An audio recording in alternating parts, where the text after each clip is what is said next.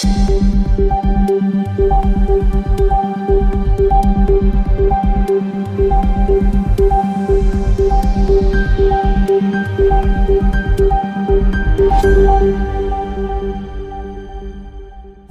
tilbake til Krimnytt, en podkast for deg som ønsker å følge med på aktuelle true crime-saker.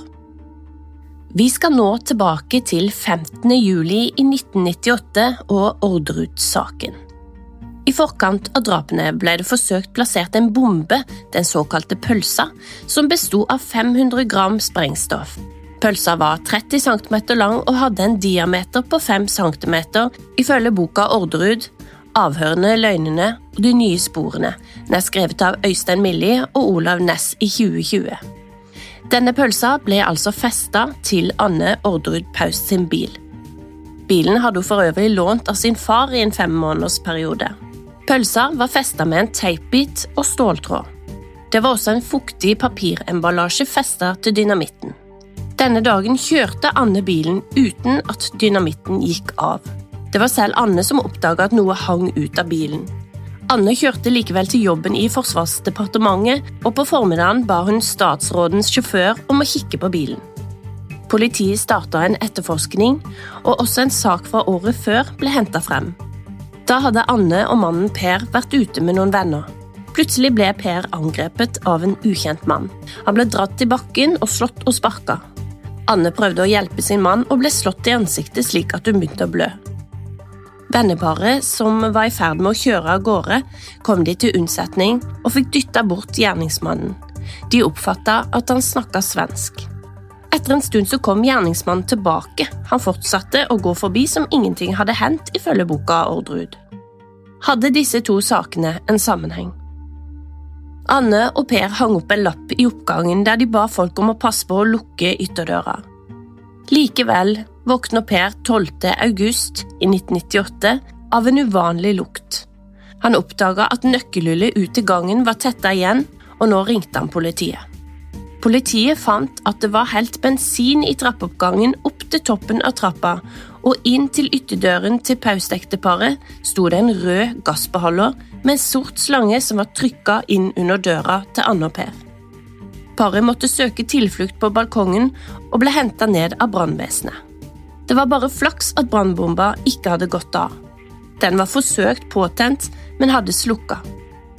På dette tidspunktet så forteller Anne politiet om arvestriden på Orderud gård, men også at hun selv ikke hadde noe med det å gjøre, hun forholdt seg nøytral. Kunne jobben hennes som sekretær for forsvarsministeren ha hatt noe med attentatene å gjøre?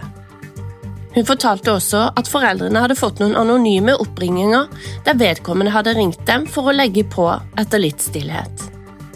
Per Paust hadde en jobb som diplomat og jobbet for tiden med å begrense kriminelles tilgang på våpen. Kunne dette være noe? Politiet sikra seg på den tiden et hår fra teipbiten som var klistra foran kikkehullet i ytterdøra. De klarte ikke på den tiden å sikre noe DNA-bevis, Først i 1999 ringte en mann og fortalte om dynamitten han hadde solgt en kompis for 500 kroner. Kompisen het Lars Grønnerud og var kjæresten til Kristin Kirkemo. Rundt tida da dette skjer, så holder det til flere mennesker på Orderud gård. Christian og Marie i kårboligen, en leietaker, Per og Veronica som driver gården, Sverre Kirkemo som hadde ansvar for dyrene en periode, og Kristin, som på den tiden hadde rusproblemer, hadde fått samvær med sin sønn på gården. 6. mai 1999 så dør Annes mann av plutselig sykdom, og fredag 21. mai så drar Anne til Orderud gård for å feire pinsen med sine foreldre. Natt til 22. mai 1999 så blir Anne, Marie og Christian drept i kårboligen. I 2021 så ble Kristin, Lars, Veronica og Per dømt for drapene. Lars Grønnere døde i 2019, og de andre tre har nå sona ferdig. I forbindelse med at Per og Veronica begjærer saken gjenopptatt, har det nå blitt oppdaga et nytt DNA-bevis i forbindelse med attentatforsøket i 1989. Det skal ikke ha vært fra teipen på døra der det ble funnet et lyst hår, men på teipen som var festa til bilen. DNA skal tilhøre Kristen Kirkemo. Kristin var dømt for dette forholdet i tingretten og frikjent i lagmannsretten. Om dette gjør en forskjell for Veronica og Per er uvisst, og kanskje vil det komme flere bevis i saken. Kristin har holdt seg taus ettersom at saken er forelda og ikke vil ha noen konsekvenser for henne. Det blir spennende å følge Orderud-saken videre, og det har i siste tida kommet flere nye dokumentarer om saken. Og eh, i Krimprat med Lise og Fiona så skal vi også ha en eh, god episode om selve saken.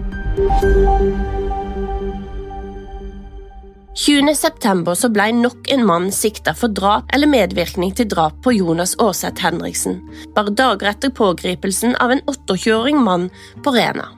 Begge mennene er norske statsborgere, har rulleblad og har ved en anledning sonet sammen. De to mennene skal ha vært venner, og de skal også ha kjøpt og solgt en bil til hverandre. Bilen skal ha blitt kjøpt brukt på Finn av 28-åringen og så solgt videre til mannen i 30-åra. Dette skjedde i slutten av juli, og 3. september ble bilen avskilta ca. to uker etter drapet. Det er ingen link mellom Jonas og de to siktede, ifølge venner, og politiet har ikke gått ut med hva som knytter de siktede til drapet.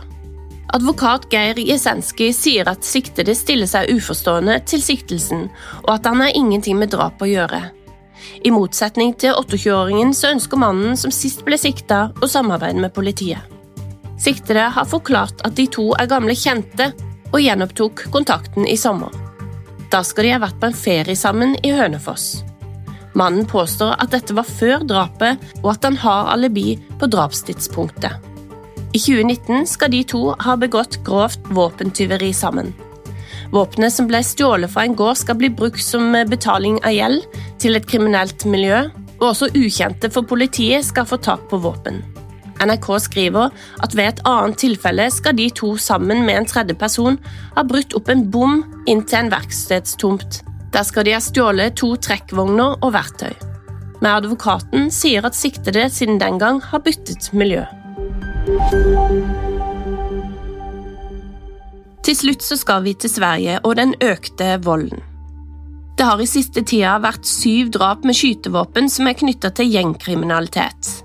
Etterretningssjef i politiet Jale Polarjevius sier at det er den største voldsbølgen siden 1945. SVT melder at i flere enn 30 saker er den mistenkte gjerningspersonen 14 år eller yngre. Gjengledere rekrutterer stadig yngre medlemmer til å gjøre kriminelle handlinger der straffen ikke er like stor. For mindreårige er straffen maks fire år for drap.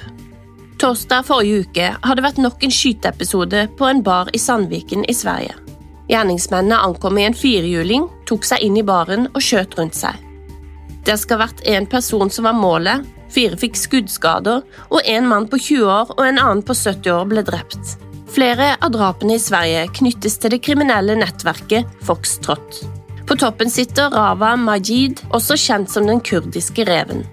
Han skal for tiden gjemme seg i Tyrkia, der han skal ha fått tyrkisk statsborgerskap i 2018 etter å ha forlatt Sverige. Det er spekulert at han har kontakter høyt oppe i systemet. Etter at en hemmelig politirapport ble lekka til Tyrkia, kan man regne med at den kurdiske reven vet hva det svenske politiet vet om han og Foxtrot. På den andre siden av Foxtrot og den kurdiske reven sitter en gresk leder, Mikael Alstrøm Tanessos, som leder for Dalen-nettverket. Begge driver med narkotikavirksomhet og skal være årsaken for konflikten mellom gjengene. Det er også interne konflikter som fører til drap. Dessverre ble også uskyldige rammet av den økende volden blant gjengene. Det var alt vi hadde i denne uka. Beklager litt forkjøla stemme, men vi høres igjen neste tirsdag.